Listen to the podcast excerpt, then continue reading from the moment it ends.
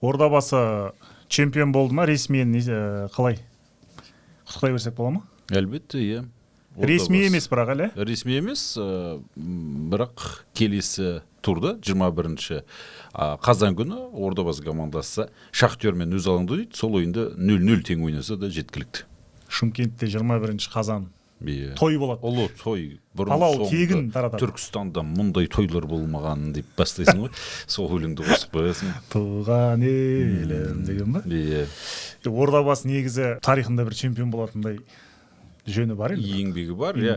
Жоқ мен ә, расын айтқан кезде сол ордабасы мына соңғы кездері енді айтып жатырмыз ғой бірінші рет чемпион болып жатыр деген соны көп адам естіп таң қалады негізі. Қалай Иә. сонда бұрын тоқсаныншы жылдарда чемпион болмаған ба деп? Иә расымен де чемпион болмаған. Өйткені шымкент футболының ә, тарихы бай болғанымен дәстүрі мықты болғанымен м, клубтың басында алмағайып неше түрлі замандар болған. Бұл клуб бірнеше мәрте жабылып бірнеше мәрте құрылып бірнеше клубтармен қосылып кеткен кездер Баяғы яғни синтез достық жігер шнос деген компания демеуші болған жылдары команда екіге бөлінген. Ә, шымкент нефте орг синтез компаниясы демеуші болған. Ірі демеуші оларда компаниясы. әрдайым бюджет көп болған. Сол солай чемпион әлбетте иә ақша көп болған үнемі шымкент ә, қаржыға бай болған әрқашанда ә, соның өзінде де чемпион болмаған. Мысалға біз өткенде салыстырып айтып отырмыз тараздың өзі чемпион болған ешқандай үлкен қаржысы болмаған клуб қой өзі тарихында ондай ешкім ақша салмаған. Ол командаға бір рет чемпион болып екі мәрте күміс жүлдегер атанып ой неше түрлі кубокты жеңген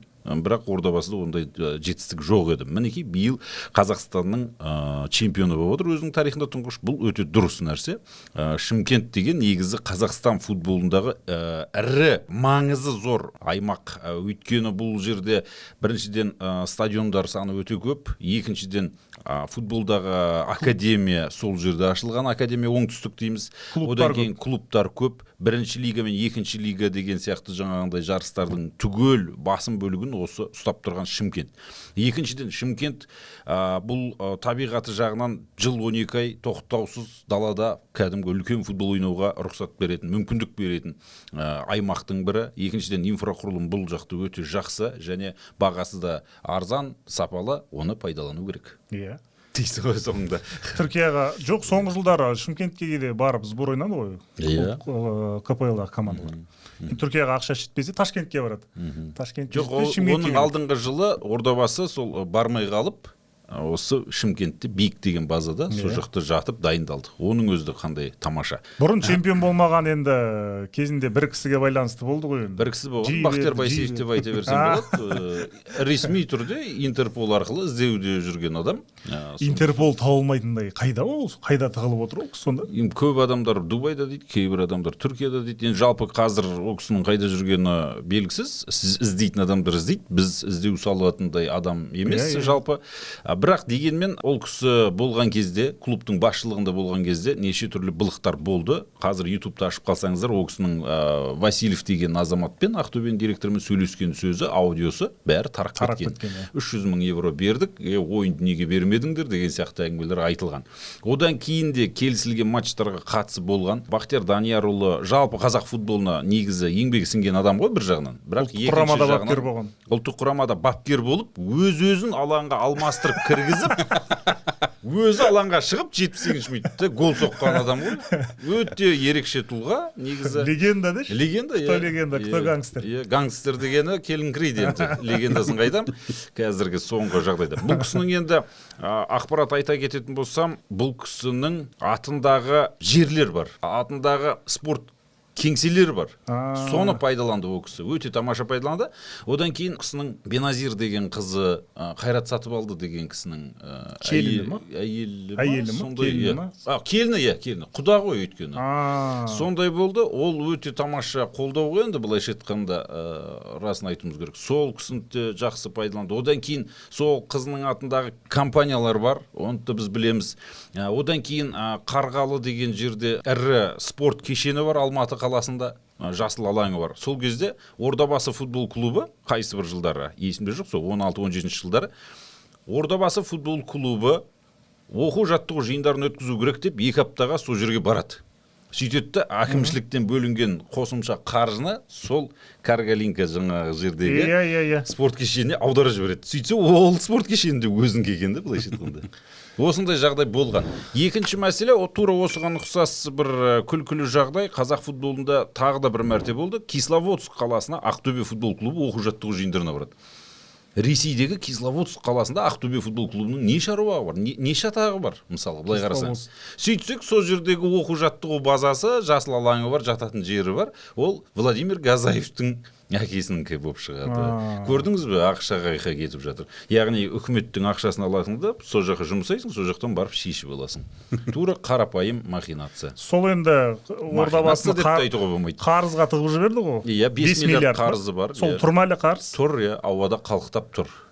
Ол не істейді енді олар? Шымкент қаласының аспанында 5 миллиард қарыз қалықтап жүр тақырып. Баяғыда құлтөлеу мұқаш ағамыз 2004 жылы м, е- қазақ әдебиеті газетіне мақала жазған ғой. Қазақ даласын кенесары қасымұлының рухы қалықтап жүр аспанында деп. Тура сол сияқты 5 миллиард теңге қарыз қалықтап жүр. Ол бір күні енді әкімшілік жауап берер ә, менің естуім бойынша осы жылдың басында салық комитеті бірдеңе қылып жоқ қылып жауып жібереміз деген ә, былтыр айтып еді ғой. айтылған иә, бірақ енді ол әкім кетіп қалды ол ғой. әлі жабылған жоқ екен бірақ менің естуімше. Бірақ енді сол қарыз қарызды бір күні жабуға тура келеді ол. Түбі бір жерден шығады ол. Білмеймін енді шымкенттегі жаңағы салық комитеті әкімдік енді бәрін басқарады ғой. Сол кісілердің іс қағаздар реттеу жұмыстарымен жаңағыдай керемет махинациялар жасауыменен ерекшеленетін аймақ қой енді расын айтуымыз керек. Сөйтіп жоқ қылып жіберуі мүмкін мен сенемін оған. Иә жоқ қылып жіберу иә ордабасы футбол клубы ешкімге қарыз емес деп шықса бір күні таң таңғалуға болмайды. Бізге қарыз деп сотқа беруі мүмкін бе?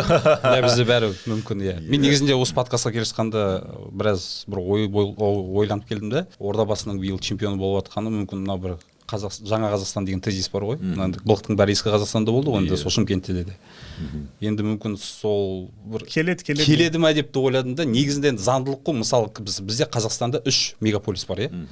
Оның екі мегаполисі ол жасанды мегаполис. Алматы мен астанаға халық не үшін барады? Жұмыс ақша. Ал шымкент ол жерде ондай керемет бір ақша бар деп айтпайсың енді. Ол жерде табиғи мегаполис адам саны табиғи көбейген жер. Агломерациясын қарасаң екі миллион халық қазір иә. Осындай үлкен жерде осындай үлкен клуб болу керек. Он бір Иә, футболшы шықпай ма иә, деген сұрақ қой осындай бір чемпиондық традициялар пайда болу керек ол жерде негізінде. Әрине. Биыл енді ә, бір жағынан қарап отырсаң мына жаңа айттық қой жоқ биыл төрешіліктің әділ өтуіне байланысты да болып Ол да бар ғой, иә, сол, ол да сол бар, жағынан иә. жаңа қазақстанға келеді енді. иә. Сосын биыл ордабасы деп ә, клубтың атаулы 20 жыл болыпты. 2003 жылдан бастаған екен ордабасы деген аты. Жалпы аты да әдемі ғой. Идеологиялық тұрғыдан ордабасы деген енді менің ойымша өте әділетті дұрыс чемпион болғаны бәріміз қуанып отырмыз. Шымкенттік жанкүйерлерді құттықтаймыз. Мен, менің ойымша тек шымкенттік жанкүйерлер ғана қуанып отырған жоқ. Жалпы түркістанда да қуанып отыр деп ойлаймын. Өйткені шымкент кезінде оңтүстік қазақстан облысының да облыс орталығы болды ғой. Ол жақта да оның бір енді жаңа мен де бір пост жазып қойдым чемпион болғанымен құттықтап ә, ордабасы енді 300 қазақтың басы қосылған киелі жер ғой енді Иә. киелі жоңғарға, иә. иә. сондықтан сондай атауы бар клуб оның үстіне мен жаңағы айтып отырған уәждерімнің өзі қандай керемет иә шымкент деген жердің командасы чемпион болғаны бұл дұрыс нәрсе ол керісінше сол жерде футбол дами беру керек бізге жалпы қазақстан футболының дамуын ойлайтын адамдарға бұл таптырмас тамаша бір мүмкіндік. Өйткені біз айтып отырмыз жаңағы жасыл алаңдар көп стадиондар бар ә, командалар өте көп халық өте тығыз орналасқан өте тамаша жер. Одан кейін біз не үшін мән береміз шымкентке? Бұл қазақстан ұлттық құрама командасының сапында ең көп футбол ойнаған облыс жамбыл облысы болса екінші орындарда осы шымкент тұр. Өйткені қаншама мықты футболшылар осы жақтан шыққан. Қаншама талантты футболшылар осы шымкенттікі. Одан кейінгі айтатын болсақ қазіргі мынау жастар лигасында ойнап жүрген ә, командалардың басым бөлігі мынау фцлардың чемпионаты. Кез келген балалар қазақстандағы республикалық турнирде бір шымкенттің командасы міндетті түрде болады. Үш төртеуі келеді негізі. Иә, иә, иә. оның біреуі жүлдегер атанады ордабасының жастар командасы мен оңтүстік академиясы шығып жатыр иә? Жаңағы мықты орындар алады. Сондықтан осы жақтың командасының чемпион болған одан ары қарай сол облыстағы жалпы қаладағы футболдың одан ары қарай өркендеп дамып кетуіне керемет септік. Енді осыдан шығатын нәрсе. Біздің айтпағымыз не? Шымкент секілді ірі мегаполис деп отырсың. Мемлекеттік маңызы бар ірі қала. Футболдан қазақстан чемпионы болып жатыр. Тұңғыш мәрте. Бұл атап өтілетін нәрсе. Ол қалай атап өтілу керек? От шашу жасау енді ана фейерверкті өздері қатырады ғой. Бір күндік нәрсені. Бізге шымкент қаласында осыдан төрт жыл бұрын шымкент сити деген қаланың аймағында стадион салынады деген жиырма мың адамдық. Иә, иә. сол макеті тұр. Кез келген акиматтың ішінде бір Е, макет болады ғой. соны осыны пайдаланып бастап жіберу керек. Шымкент қаласының ы, ірі жаңағы кәсіпкерлері ірі компаниялар сол жақта. Болмаса мемлекеттік тараптан қолдау көрсетіп осылай шымкент қаласына ірі стадион салу керек деген бастама көтеріп оны ары қарай жасауымыз керек. Өйткені шымкент қаласына 20-25 мыңдық стадион сұранып тұр. Бұл талабы оның өзі тар сияқты биыл әлбетте иә. Әрбір ойынына 18 мың алпыс үш адам Иә. келіп отыр иә. Әрбір ойын сайын. Сондықтан 20-25 мыңдық стадион міндетті түрде керек. Біріншіден шымкент қаласында бұл стадионның пайдасы не? Бұл біріншіден қаланың бет бейнесі келбеті. Ірі осындай мегаполистің жақсы стадионы болуы тиіс. Екіншіден ол стадионның алдына біз ескерткіш қоюымыз керек футбол аллеясын салуымыз керек. Үшіншіден бұл жерде ірі адам көп болғандықтан шоу бизнес қатты дамыған әншілер димаш құдайберген сияқты адамдар концерт беру керек. Ә, қазақстандық әншілер театрлар неше түрлі шоулар болады. Сол стадион соған керек қатты керек. Ордабасының жаңағы мына қажымұқан бас стадионның еңбегі сіңген. Ол 1986 жылдары салынған о кеңес өкіметінің қалдығы. Оны халыққа жай есігін ашып тастап тегін беру керек. Жүгіретіндер жүгірсін ішінде бокстасатындар бокстасын жаңағы жастар балалар оздюшор дшнк деген жаңағы ә, мекемелерге тегін беріп тастау керек. өзі енді ол мына футболға ғана арналған стадион емес қой. Әлбетте. Сондықтан басқа стадион салыну керек. Шымкент секілді жалпы осы жерде мен ойлаймын да ә, стадион салған кезде мемлекет ә, минимально қатысу керек. Мемлекет қатысатын жерде мысалы мен кеше эскиздерді көріп жатырмын ақтау қаласында бір стадион салмақшы. Иә. анау масқара ғой анау. Дала кәдімгі. Не деген стадион бір басы бар бір басы жоқ бір түрлі бір керек емес стадион 21 бірінші ғасырда қазір анандай стадионды салудың ұят енді. Стадион керек емес деп айтуға негізі қорқып қалған адамның бірі сен ғой енді. Салына берсін деп. жоқ салыну керек бірақ ол жерде бизнес қатысу керек. Ол жерде мемлекет бар жерде бір енді ойы бірден айтайын қазақстанда ешқандай жеке кәсіпкер ондайды саламайды. Біріншіден ешқандай компания дауаламайды Иә. расын айтуымыз керек өте бірен саран. Одан кейін екіншіден бұл стадион дегеніміз ә, қазақстанда ә, мемлекеттің қолдауынсыз салынуы мүмкін емес нәрсе. Екіншіден ол өте маңызды объект болғандықтан ол мемлекеттің бақылауында болады. Одан кейін екінші мәселе біз оны мемлекет өзі бақылауына алғаннан кейін оны қай мекемеге береді? Мәселе сонда ғой. Оны әкімшілікке беретін әкімшілікке де бермейді. Қазіргі стадиондардың барлығы қарасаңыздар осы астана қаласындағы басқа да жерлердің барлығы қорғаныс министрлігіне беріледі. Көрдіңіз бе? Иә, балансты болды Астана Иә, арена. әлі де сондай ғой мысалға мтх деген жаңағы компания беріп тастаған сияқты сондай жағдай. Сондықтан ол мемлекет араласу керек. Ә, біз жаңа айтып отырмыз ғой роман скляр ә, ақтау қаласына барған кезде осындай осындай деп мәлімдеме жасады. 15 мыңдық стадион салынды. Қайда сол сөз? Қайда роман скляр мысалға қаяқта соның бәрі жел ма сонда ұшып кетті ма ауаға? Деген мәселе ғой соны талап ондай нелер көп болды ғой уәделер. Көп болды. Енді соны мен айтып отырмын ғой мынау шымкентте де уәде болған осыдан төрт жыл бұрын. Сол қайда? Біз соны қайтадан бастап отырмыз. Мақұл ол кезде айтқан адамдар жүрген шығар әлі де саясатта қоғамда. Бірақ біз қазір бастама көтеруіміз керек. Осындай стадион салыну керек деп. Талап қойса да меніңше орынды. Шымкенттің жанкүйерлері биыл анау ордабасының ескі стадионына барды. Тіпті кейбір кездері әжетхана істемей қалады он сегіз мың адам келіп отыр әжетхана істемейді. Электронды турникет жоқ кім қанша адам кіріп жатқаны белгісіз. Екіншіден иә, иә, өткен иә, жылы шымкентте масқара жел тұрып оның бір шатыры ұшып келіп тура қақпаның артына келіп жата қалды. Қайта ешқандай адам шығыны зардап болған жоқ адам аз келетін. иә соның арқасында осындай э, білінбей кетті. Негізі анау қирап үгіндіге тарап ыдырап кетейін деп тұрған стадион расын айтуымыз керек. Астына кіріп көрсеңіз де өте қиын жағдай. Матч кезінде болған жоқ па иә. Сол оны енді біз не үшін жанымызды ашып осылай айтамыз? Өйткені біз еврокубокты ойнаймыз. Иә. біздің қазақстанның ұлттық құрама командасы қазақстан жастар құрама командасы ойнайды. Осындай матчтарды өткізейік десек халқы мықты ә, жанкүйері көп келетін адамы көп аймақта осындай стадион жоқ болып отыр. Көрдіңіз бе? Мәселе қайда жатыр?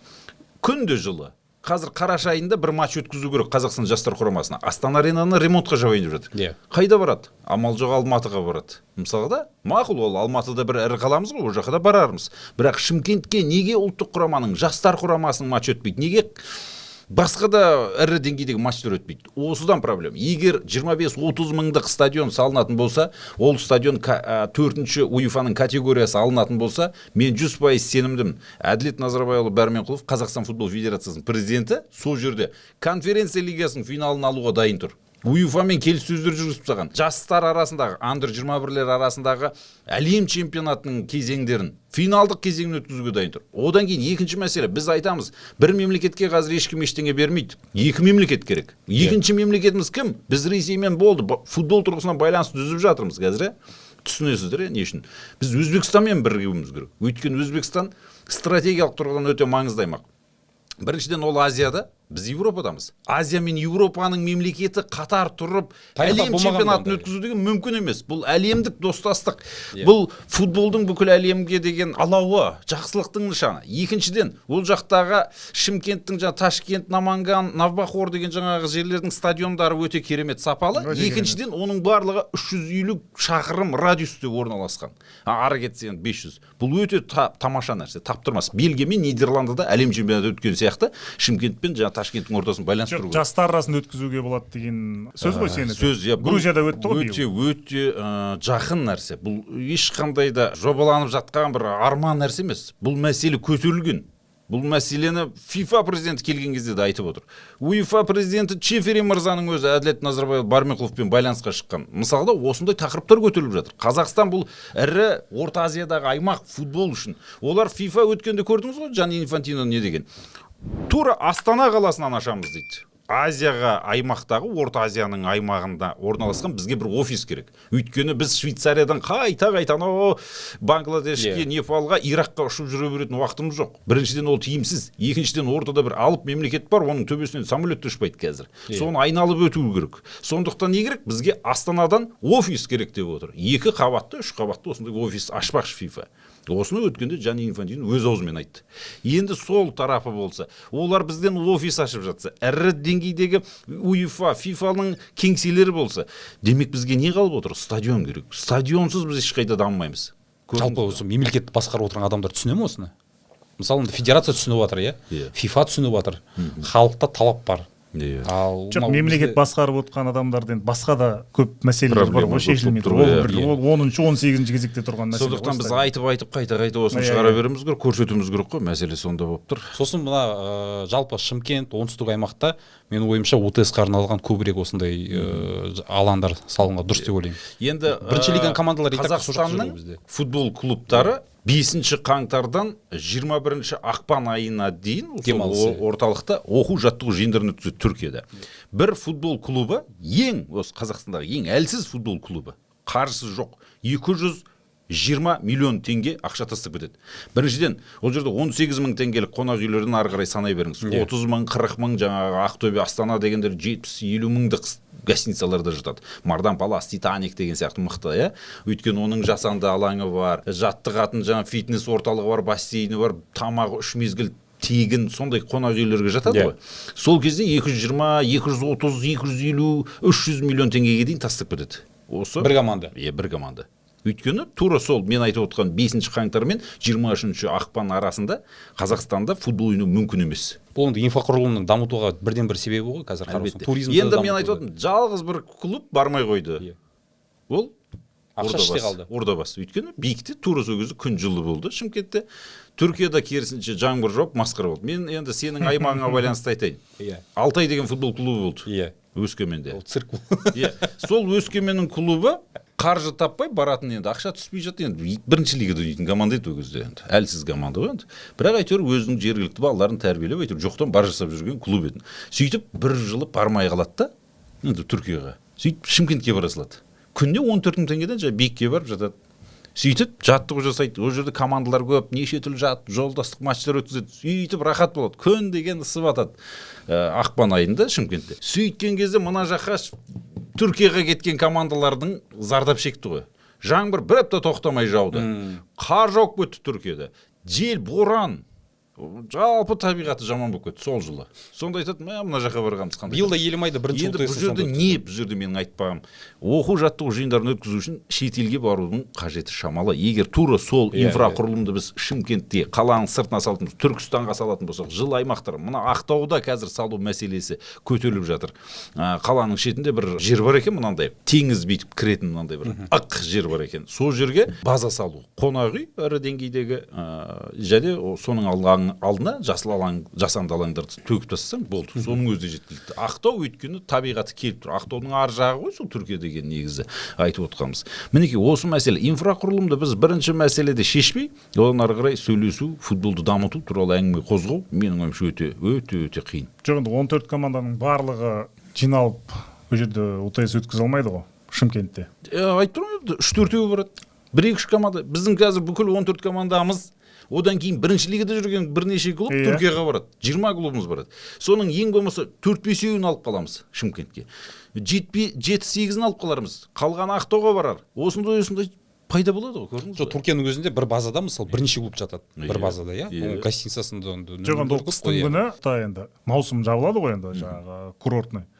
Сол кезде барлығы бос болады сол кезде барады да жатып неғыла береді дайындала береді. тамаша. Тамаша иә. Ресей қазақстан емес ол жақта бүкіл украина жатады польша соңғы кездері шын айтайын өткен жылы германияның бір командасы иә. сол келді ғой фанаттармен бірге келді. Ой қызық болған ол ертең бізде болса біз бағамен сындырамыз ғой түркияны. Иә кішкене. Шымкент деген- біз, неге салып алсақ қымбаттатып жіберуіміз мүмкін. Ең бірінші әйтеуір жаңағы бірінші лигада екінші лигада ойнайтын клубтарымызға керемет нәрсе ғой енді жағдай ғой. Бір жағынан премьер лига мақұл енді сол жаққа бара берсін премьер лигада барады олар оның ақшасы көп қой енді. Мысалы енді жаңа ақшаға келіп тіреліп отыр ғой бәлең бәрі қайдан шығады? Бұл ә, бірнеше жыл бұрын мен мақала жазғанмын ол мақала неше түрлі жерлерге жеткен бұл көтерілген парламент қабырғасында көтерілген. Кеше ғана мен елнұр бейсенбаев деген кісімен сөйлестім осы мәселені көтерген. Сонда айтып отыр мына ермұхамед үшін парламент қабырғасында мәселе көтергенбіз деп сонда айтамын бір миллиард екі жүзге қысқарту деген қайдан шығып отыр?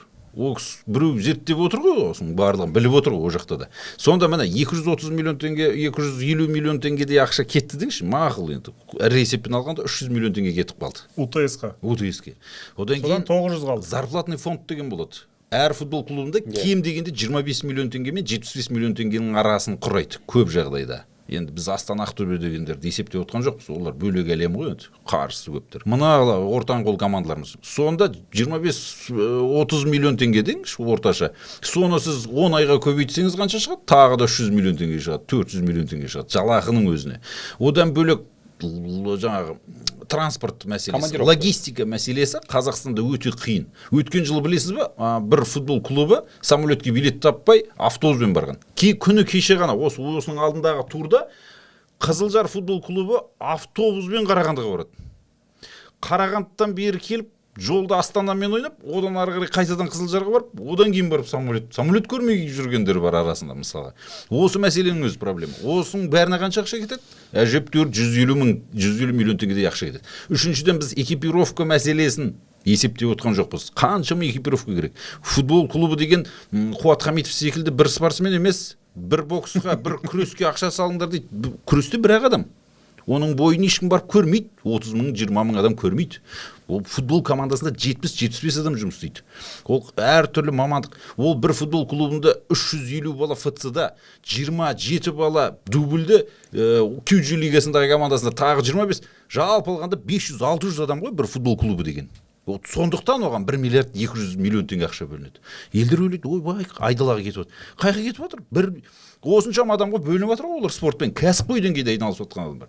Сондықтан мына ақжайық футбол клубы 600 миллион теңгемен ә, ойнап шығып кейін 200 миллион теңге алды. Енді жалпылап алғанда бір маусымда а, 800 миллион теңгемен ойнап шықты мақтааралда биыл ойнап жатыр ғой. Тура сондай жағдай. Демек 1 миллион 200 деген ақшаны біз калькулятормен есептеп шықсақ ол сәл бір бір миллиард екі жүз. бір миллиард екі жүз иә. бір миллиард екі жүздің өзі кішкене артықтау болып жатыр. көп сияқты болып жатыр. Біз енді есептеп шықсақ осыны бірнеше жылдан кейін бір екі жылдың төңірегінде біз тағы да бастама көтеріп енді оның амал жоқ. Қасым жомарт кемелұлы тоқаев секілді ірі деңгейдегі осы мемлекет басқарып отырған бір адам айтады ресми түрде бір жолдаудың ішінде кететін шығар. Бір миллиардтан асырмаңдар деп айтады. Міне көрдіңіз ба ол бір миллиардтан асырмай бес алты жыл ойнағаннан кейін маркетинг жарнама жан жақтан кіріп жатқан кезде оны 800 миллионға түсіріңдер деп айтады. Осылай осылай біз 600 миллион 500 миллион түбінде 400 миллионға келген кезде ол тіреледі. Мемлекеттен футболымыз кетті деген сөз. Оның үшін инфляциясы бар санай жекеге кетті Иә. деген сөз. Жеке қолға ауысты дегеніміз сол болады. Біз соған бірінде бірінде барамыз. бір, жа- бір миллиард екі жүз ол жарайды иә ортан қол командалардың бюджеті деп жатрсың бізде ортан қол емес қазақстандағы бүкіл аймақта сол.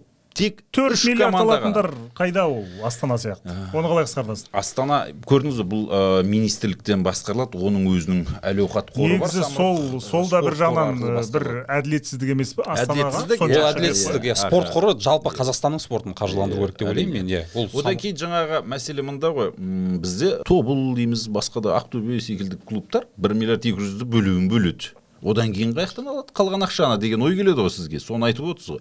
Оны басқа сол облыс әкімдері ә, ірі компаниялар арқылы қостанай асбест бірдеңе казазот деген сияқты компаниялар арқылы алып келеді да қосымша ақша алып келеді. Бірақ ол компаниялар қосымша басқа бір иә жобаларын ал- ұйымдастыру осылай жасайды бірақ ол енді ол біздің әңгімеміз емес. Ресми түрде содан аспау керек. Бір, бір миллиардқа жеткізуіміз керек. Сегіз жүз миллионға жеткізуіміз. Сөйтіп осылай түсе береді түсе береді сонда ол енді бұл жерде олжас басты айтпағымыз не? Біз еуропалық менеджментке жету үшін мысалға еуропаның футбол клубтарын көріп жүрміз ойындарына барып жатырмыз стадиондардың басында қонып жүрміз. Мен мысалы чехияда екі күн сол стадионның жанында қонақ үйде жаттым. Ақшаны қалай жасайды? Мінекей адам мемлекеттен ақша бөлген кезде сен отырасың кеңседе ол отырады үшеуміз отырамыз үшеуміз бір клубта жұмыс істейміз үкіметтің ақшасы бар соны жаратып қойып е мынаған жүз мың жібере салыңдар анаған бес жүз мың жібере сал мына бүйте сал деп отыра бересің. А сол ақша болмаса ше? Сол ақша болмаған кезде жақсы жағдай жасау үшін балалар жарысқа тамаша бару үшін мен менеджер сол клубтың басы қасында жүрген адам мен қинала бастаймын мен ойлана бастаймын мен тығырыққа тірелемін мен не істеймін. Барамын да бір кеңсенің басшысымен келісімге отырамын давай бізге демеуші болыңыз осындай жасайық. Біз ә, футболшыларымыз сенің кафеңде бір екі күн мынандай жаңағы фото сессияға түседі видеоға түссін бірдеңе жасайық ақша тауып келемін. Көрдіңіз ба маркетинг маркетолог адам боламын да.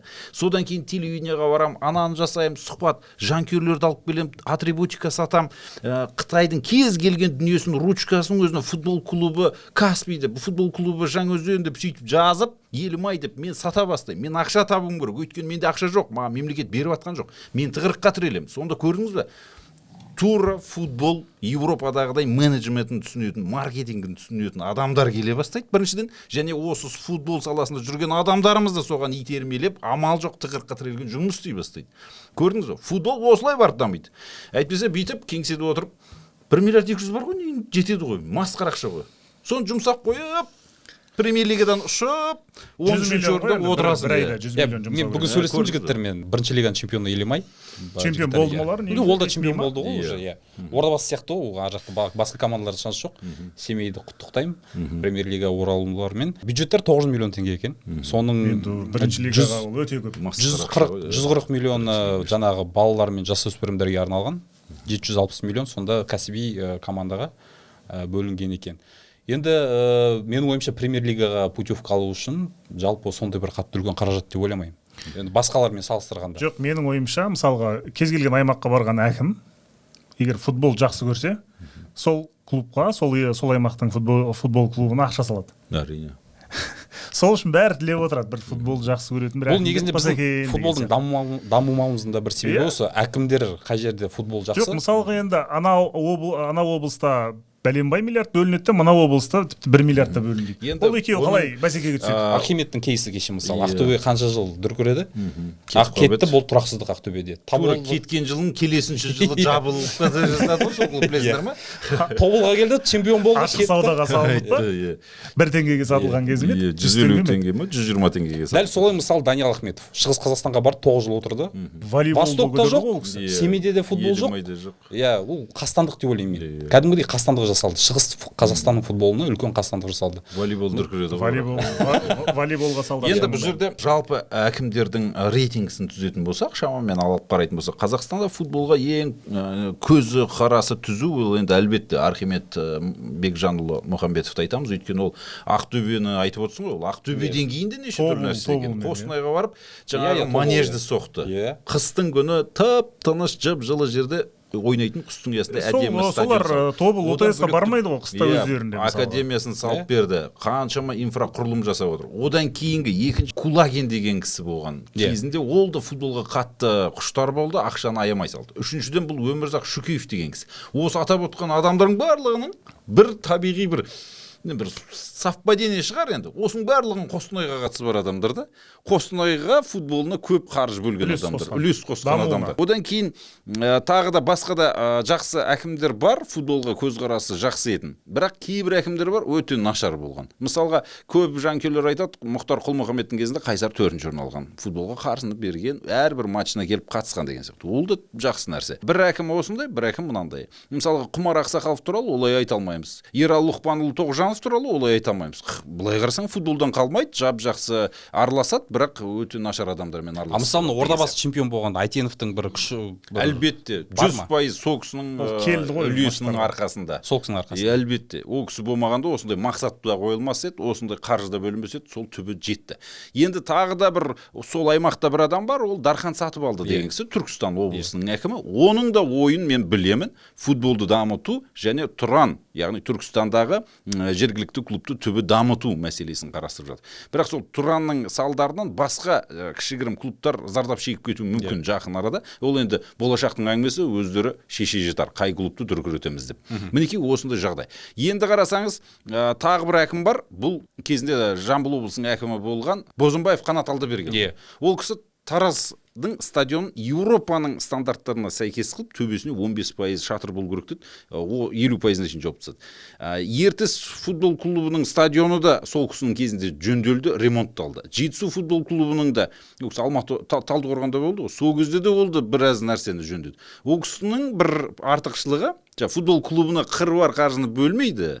Керісінше инфрақұрылымды жөндеп кететін жақсы деді бар. Әр әкімнің осындай бір стилі ерекшелігі бар. Осыған байланысты ғой. Иә одан кейін қазір абай облысының әкімі уранхаев мысалға мен ә, жаңа жігіттермен сөйлескенде айтып жатыр. Ке- келесі жылы ә, семейде пищевик деген бір андай өте нашар стадион бар. Соның орнына үлкен заманауи он мың адам сиятындай таза футболға арналған стадион салайын деп жоспарлар жаңағы бар екен. жоспарда өте көп стадион салынып қойды негізі. Сонымен он қатар бір банктың аты есімде жоқ солармен бірге ә, жаңағы ә, биік қазығұрт сияқты андай ә, зоналар бар ғой базалар иә сондай сал, салып жатыр екен. Ол да енді тамаша негізінде бір жағынан. Мемлекет қана емес осындай жаңағы басқа да жеке кәсіпкерлердің одан кейін жаңағы тағы бір ә, қозғайтын мәселе біз ә, мынау ірі деңгейдегі әңгімелерді айтамыз да. Өте жоғарғы деңгейдегі әңгімелерді осы подкастта айтып айтып кетеміз. Ал негізі мәселе қазақ футболының тағы бір дамымай жатқандығының бір түйткілді мәселелерінің бірі бұл моноқалалар моноқала дейміз. Біз кентау дейміз. Біз ә, жаңатас қаратау ә, осы жа- құлсары деген сияқты жерлерді айтамыз ғой. Степногорск мына қаланың сыртында тұр. Стадионы бар. Степ- хромтауда стадион бар. стадион деген сұмдық кезінде сәтбаев кезінде сол жерлерде премьер лигада клуб болған. Горняк хромтау ә, степногорскта да автомобиль шортанды деген сияқты командалар болған осының бәрінде. Солар кезінде қаңырап жабылып қалған бірақ сол стадиондар кейбіреуі ремонтталған кейбіреуі жалпы тұр. Әлі де жөндеп жіберуге болады. Осы моноқалалардағы яғни біздің ірі қалаларымызбен ауылдың ортасын байланыстыратын осындай моноқалалар болған ғой. Дінмұхаммед ахметұлы қонаевтың кезіндегі бұл проект жүз моноқала салу деген. Мысалы балқаш деген сияқты. Қапшағай осы қапшағай болды ғой енді кетіп қалды. А, осындай жерлердегі футбол ақсап тұрғаны бізді қынжылтады. Осындай жердегі стадиондарда ешкім пайдаланбайтындығы. Мысалға құлсарыда жеті мың ба сегіз мың адамдық стадион салынған осы екі жыл бұрын. Бір әнші ә, концерт берді сол кезде көзімізге түсті бірақ сол күйі тұр. Футбол командасы жоқ стадион бар. Степногорсктағы стадион құр босқа тұр. А, тура осындай жағдай кез келген моноқолада бар. Неге сол жердегі жергілікті адамдар футбол үйірмесін ашып кәсіп ретінде бизнес ретінде екінші э, лигаға шығып жағдай неге жасалмайды неге оңалмайды? Біз айтамыз ойбай германияны германияны өткенде айтып тастадық италияны айтайын. Бұл мына моноқала кішкентай жер дегеніміз италияда қатты дамыған мысалға козенца сиена пиченца верона. Верона енді мақұл үлкен болып кетті. Киево деген киево деген премьер лигаға шыққан ауылдың ана ауылда 30 мың адам тұрады ойлашы отыз ақ мың адам тұрады. вильяреал ғой вильяреалдың Вильяреал стадионы иә. 35 мың Иә. адамда бірақ Қалада? 30 мың адам тұрады.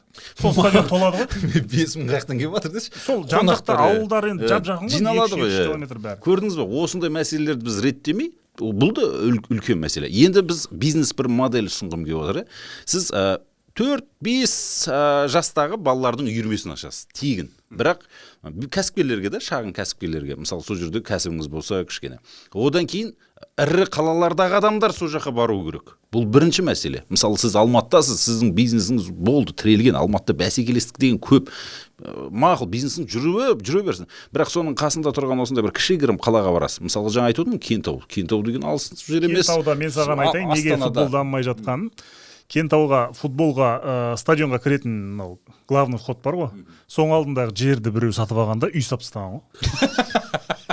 Кәдімгідей видео бар тауып көрсеңдер болады кәдімгідей мына жағында акимат. Енді стадион бар шығар енді пайдалануға берілген шығар енді. Мынандай кішкентай жермен кіріп өтіп кетесің ана жерді қайтып алып алған адам білмеймін. Қазығұртта ма? бір таудың ортасынан өтетін жер береді ғой. Бір кейбіреулер адамдар қысып қалады дейді ғой. Ниеті нашар. Сол сияқты. иә сол жақта бар еді. керемет әңгімемді одан ары қарай жалғастыра берейін. Ә, одан кейін жаңағы сондай кәсіпті мысалға сен астана қаласының тұрғынысың жүз шақырым жерде степногорск деген жер бар екенін білсең. Сол жерде стадион дайын тұрғанын білсең. Мен сол стадионды көріп деп- таңғалдым. иә мен де екен. масқара енді европаның бір командасы келіп ойнай салатындай жер екен. Сол жерге барасың да жеті сегіз возраст жаңағы жас бойынша балалар жинайсың екі бапкерді алып қоясың екеуіне екі жүз мың теңге ақша берсең масқара жұмыс істеп жатады. Балалар тәрбие частный кәдімгі клуб ашасың. Сөйтіп олар өздерімен өздері дайындала бастайды. Бір жыл өтеді оларды жарысқа апарып қоясың арасында жаңағыдай ыыы, г- суши бірдеңе пісіретіндерменен байланыс қойып қоясың футболкаларды алып бересің. Сөйтіп сөйтіп жұмысты жүргізіп жібересің. Ол жерде ә, жаңа моноқалаларды осымен айналысатын осыны айналысқысы келетін адамдар ондай идея жоқ ми жоқ ол жерде. Оны адамдардың құндылықтары басқаша. Көрдіңіз ба сіз орталықтан ірі деңгейдегі қаладан келіп тұрсаңыз сіз ол аймақ түгел басып аласыз. Сіз өзіңізге қаратасыз. Бүкіл балалар сізге келеді. Кәсіпкер келіпті. Осындай футбол клубын ашыпты бір ма? Екінші үш төрт жылдан кейін сіз жетістікке жете бастаған кезде командаңыз республикада жарыста жеңіп келді деген кезде пойыздан күтіп алып жатқан кезде ана әкімшіліктің адамдары сол кезде сізге өздері ақ келеді. Әкімшілік қолдау көрсетеді. Стадион тегін береді.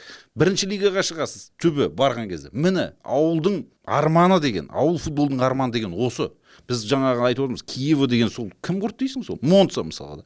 Берлускониді қазір әулие тұтады олар жоқ жерден көтерді алып келіп сол қаланың құрметті азаматы мәңгілікке аты заты қалып кетіп отыр мысалға.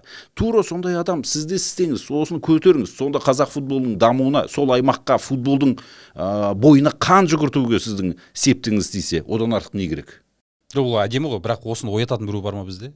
Мен айтып отырмын осы әңгімені қазір біраз адам тыңдайды содан кейін біреу біреу әрекет қылатын шығар деген ойдамын. Енді анандай стадиондар қор ғой енді қор болып тұр да шынын айтқан кезде. Иә тик токқа қырғып алып салады жалпы қазаққа футбол керек па? Әлбетте керек. Неге керек емес? Бүкіл әлемге керек бізге керек емес па сонда жоқ бізге футбол керек болса жағдайымыз осындай болу керек па? Бізге ол талай айтқан ол әңгімеден біз арылуымыз керек. Бізге айтады ой қазақтар доп тебе алмайды қойыңдар деген жаңа темір қатып қалған қағида кеңес үкіметінің кезінде болды рас. Бірақ жаңа тимур сегізбаев байшақовтар ордабаевтар ойнады біз көрсеттік енді біз айтамыз он- жаңа 19 миллион адамның ішінде 11 адам таппадыңдар ма дейді? Жаңағы сен айтып отқан әңгімең ей қасыңда іргеңде тұр ғой шығыста.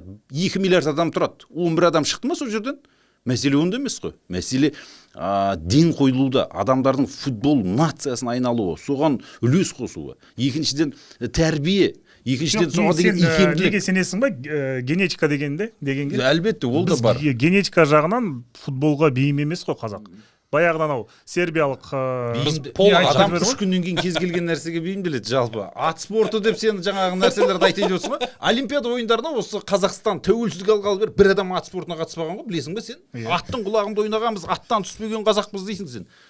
Кім бір адам қатыспай ма? Алпыс төрт жастағы ағылшынның адамы соңғы олимпиадада екі алтын алды. Атпен келіп конкур деген бүйтіп секіреді. Е соны үйренбедіңдер ғой. Қаяқта жаппай көкпар шабасыңдар да жүресіңдер шымкентке барып. Не ол не әңгіме? Жоқ жоқ шынымен де бізде ол енді екіншіден жаңа олимпиада мәселесін қозғап отырсың ғой ә, бобслей деген спорт түрі бар. Иә. кез келген ауылда қазақтың баласы шана теуіп ойнадық қой дейді. Кәні қаяқтан сол шана ғой бүйтіп отырасың бүйтіп жатасың жоқ сен қазір Ол олимпиаданы бобслей қазір біз азиядаға түсейік мақұл иә. Азияда төмен деңгей ғой ол жалпы. Боксымыз мынандай болады. иә мақұл ол. Жалпы айтамын да ол генетика мына адамның икемі бар икемі жоқ деген ол бос әңгіме кез келген адам үйреніп алады. Кез келген нәрсені жоқ анау сербиялық бір легионер жазып еді ғой кезінде білесің ба? Кім? Сербиялық бір бір легионер келіп жазып еді ғой бұл қазақтар футбол қанында жоқ екен бұлардың деп. Деспотович шығар сол айтқан. Сөйтіп кейін оны қуып жіберіп командадан сол айтқан реал мадридқа өте алмай қалған жігіт па? Қызық ордабасы қалай келесі жылы еврокубокқа қалай ойлайсыздар енді өзі, екінші раундтан өтпеген команда. Аузы әбден күйген команда Иә. бұл. Бірінші айналымнан шығып кетеді үнемі екінші айналымда бір гол жетпей қалады біреуден пенальти алып қалады біреу қызыл қағаз. Осындайдың барлығын көрген команда. Бұл команда келесі жылда мен өткенде бір версиясын айттым келесі жылда ұшып кетеді егер стадионы керемет болмаса. Бірінші ойыннан екінші ойыннан ғана шымкент өткізе алады үшінші кезеңнен бастап ол стадионда ойнауға болмайды. Енді адам деген бірінші әкімсің иә мысалы сен келдің осындай мақсат қойдың еурокубокты ойнай ойнаймыз бүкіл шымкенттің атын әлемге танытамыз деп отырсың иә бірақ сен бірінші сол команданы жасаған кезде соған төрт жарым миллиард ақша бөлген кезде оны чемпион қылатынның алдында соны да ойлау керек қой адам. Біз қай жерге ойнаймыз? Ол түбі ә, чемпиондар лигасында барып келесі жылы ойнайтын болсақ сол мына стадионда ойнаймыз ба деп адам ойламай ма бірінші? Мәселе сонда ғой. Көрдіңіз бе? Бас салып осындай чемпион қылып бүйте салу деген мәселе бар а одан кейінгі проблемаларды ешкім есептемейді. Түбірін білмейді да өйткені уефа биыл қатаң санкция жасап жіберді. Мына ордабасының стадионында енді жалпы көп футбол ойнамаңдар деген сияқты хат жазып жіберді. Өйткені қарапайым бас бапкер отыратын қосалқы құрам отыратын үстел дұрыс емес. Душ дұрыс емес. Төрешілер кабинасында ордабасын қажымұқан мұңайтпас стадион айтып отырмын ыстық су ақпайды. Ыстық су деген негізі болмаған ғой деймін ондай кран. Жалпы. Сондай сондай жағдайлар бар да. журналисттер отыратын пресс ложа дұрыс емес. Интернет дұрыс шашылмаған. Миллион проблема 18 проблема бар ол жерде. Ол болмайды ол оны жүз жыл косметикалық ремонт жасағанға шебер. Болмайды ол нәрсе. Сондықтан ә, жоқ де- жағдайы былай болады. Бірінші турдан өтіп алса түбі конференция лигасына түседі ғой. Иә. астананың жолымен. иә. ғой барлығы. Оңай болып қалды ғой бірақ келесі жылы астанада жабық. Енді мысалы ордабасы конференция лигасында ойнады дейік. Топтық кезеңде өтіп қай жаққа ойнайды сонда астана стадион жоқ. Астана стадион ол да жоқ. ремонтта мысалға. Алматыға барып ойнайды. Алматыға барып ойнайды міне. Жалғыз мәселе сол. амал жоқ. Бүкіл шымкенттің жиырма облыс орталығы бар бір дені дұрыс стадион жоқ. Айтпаңыз. Екеуінің ортасында. стадионды негізі ескіріп қалған ғой әжептәуір иә ол да э, қиын. Ол акиматтың балансында болып тұрған сол орталық стадионды кім ремонттаған білесіздер ма жалпы? Премьер акиматтың балансында тұрған стадионды өз ақша бөліп қайрат боранбаев ремонттап берген ғой. Сөйтіп барып уефаға ә, сертификацияға тапсырыс өткізіп ә, осы мынау қазақстан футбол федерациясы арқылы төртінші категорияны алып беріп отыр ғой соған. Үшінші категория еді ол жер. Ол кісінің де еңбегі бар деші. Еңбегі бар әрине. Боранбаев сияқты қазақтың футболына жанасып жүрген азаматтар табыла ма? Қанша қаруар ақша салды болып тұр ғой қазір енді ә, қалталы сондай ірі деңгейде адамдар аз. Біріншіден ол адамдар кейбіреуі жаны ашуы мүмкін бірақ істейтін мүмкіндік жоқ оған. Мысалға шамамен айтайық. Атырауда бір бизнесмен бар дейік иә? Байлар көп тұрады ғой. Сенің өткендегі әңгімең. Сол жерде мақұл. Клубты қаржыландырсын болмаса өзі бөлек клуб ашып алсын. Бірақ анау стадионға барып қалай ойнайсың сен? Иә. Нең бар футбол клубын ашып сен? Сен э, стадионды ремонттауың керек қой ол үшін стадионды ремонттау үшін әкімдіктен рұқсат сұрауың керек. Әкімдік саған рұқсат берме бермейме түсініксіз. Оның үстіне ана стадионды ремонттау қазір дені сау бизнесмен бармас ет деп ойлаймын. Өйткені ол мүмкін емес. Жигули мерседес емес қанша тюнинг әлбетте әлбетте дұрыс айтасың. Сендер феррари сатып алдыңдар. Бірақ оны фиат секілді айдайсыңдар деген әңгіме ғой. Златанның цитаталарынан айта отырайық онда. Мен өткенде тынық мұхитына түстім. Ол оған дейін тынық болмаған еді. Златан ибрахимович. Мен аякстың бір жаттығуына бармай қойдым. Содан кейін ол күнді ел жексенбі деп атап жүр. Златан ибрахимович. Дейсің. Златанға да негізінде ұқсайсыз. Сол ғой иә енді. туыстық қарым қатынас бар златын үйінен кетіп бара жатқан кезде әкесіне айтқан ғой үйдің үлкені енді сіз деп.